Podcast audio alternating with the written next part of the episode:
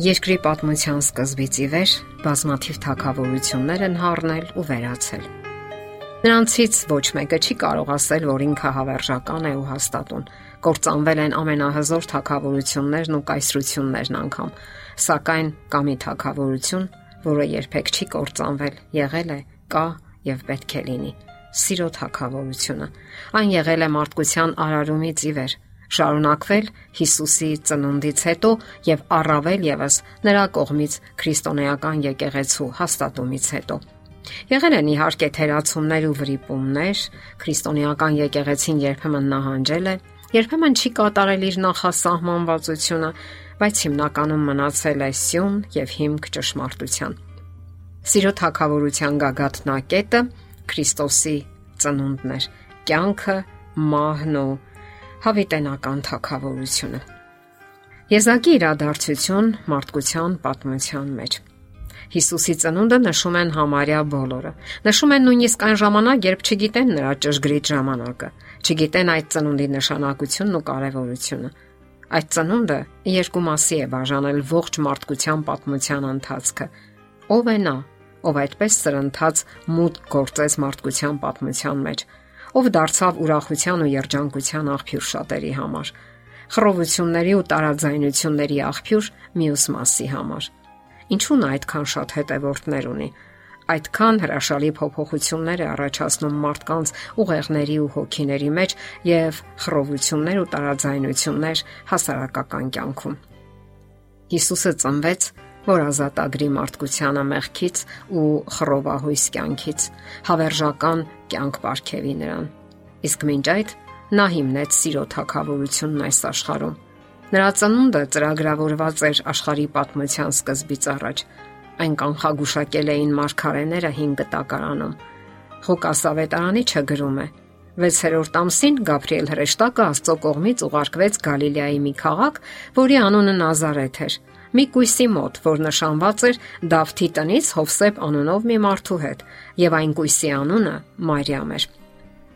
Հիսուսի ծնունդը հուզել է եւ շարունակում է հուզել մարդկությանը։ Շատերն այնքան լուրջ նշանակություն չեն տալիս նրա ծննդյան օրվան, որ մոռանում են ամենակարևորը՝ այդ ծննդյան իմաստն ու նշանակությունը։ Մոռանում են այն կարևոր փաստը, որ նա թողեց իր երկնային փառքն ու ամենակարողությունը, որpիսի մեզ նման անznավորություն դառնա ճաշակի մարդկային բոլոր տարապանքներն ու ցավերը, որpիսի հասկանա մարդուն ու փրկի նրան, բարձրացնի նրան ու հավերժական կյանք ապարգևի։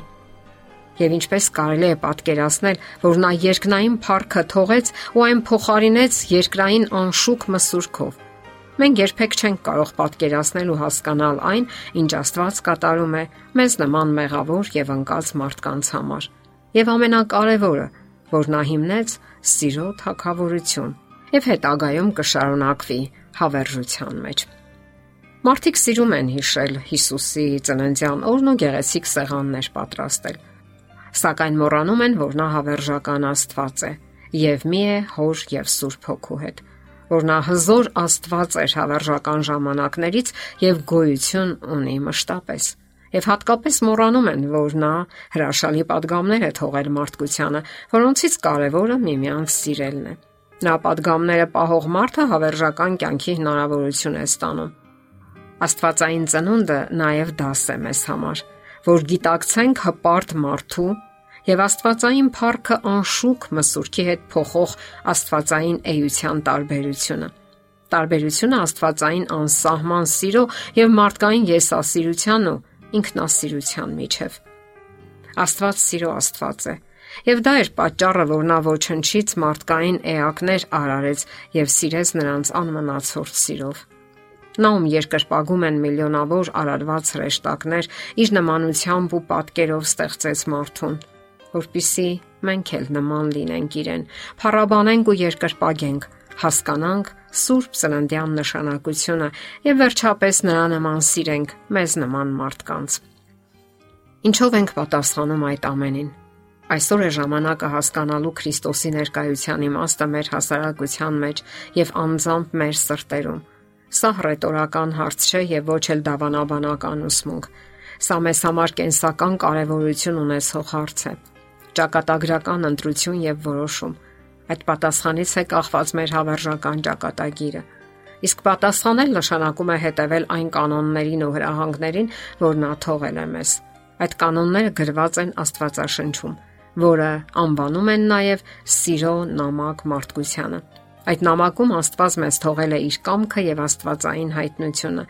Նա առաջարկում է ուսումնասիրել իր խոսքը, ճանաչել ոչ միայն իր, այլև մեր բնավորությունը, որpիսի հասկանանք, որ ամեն օրը մեզ մոտեցնում է թե մեր եւ թե Աստվածային հայտնությանը։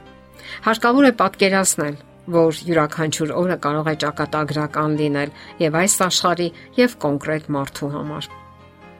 Արդյոք պատրաստ եք դառնալու մասնիկը այդ սիրո թակավորության։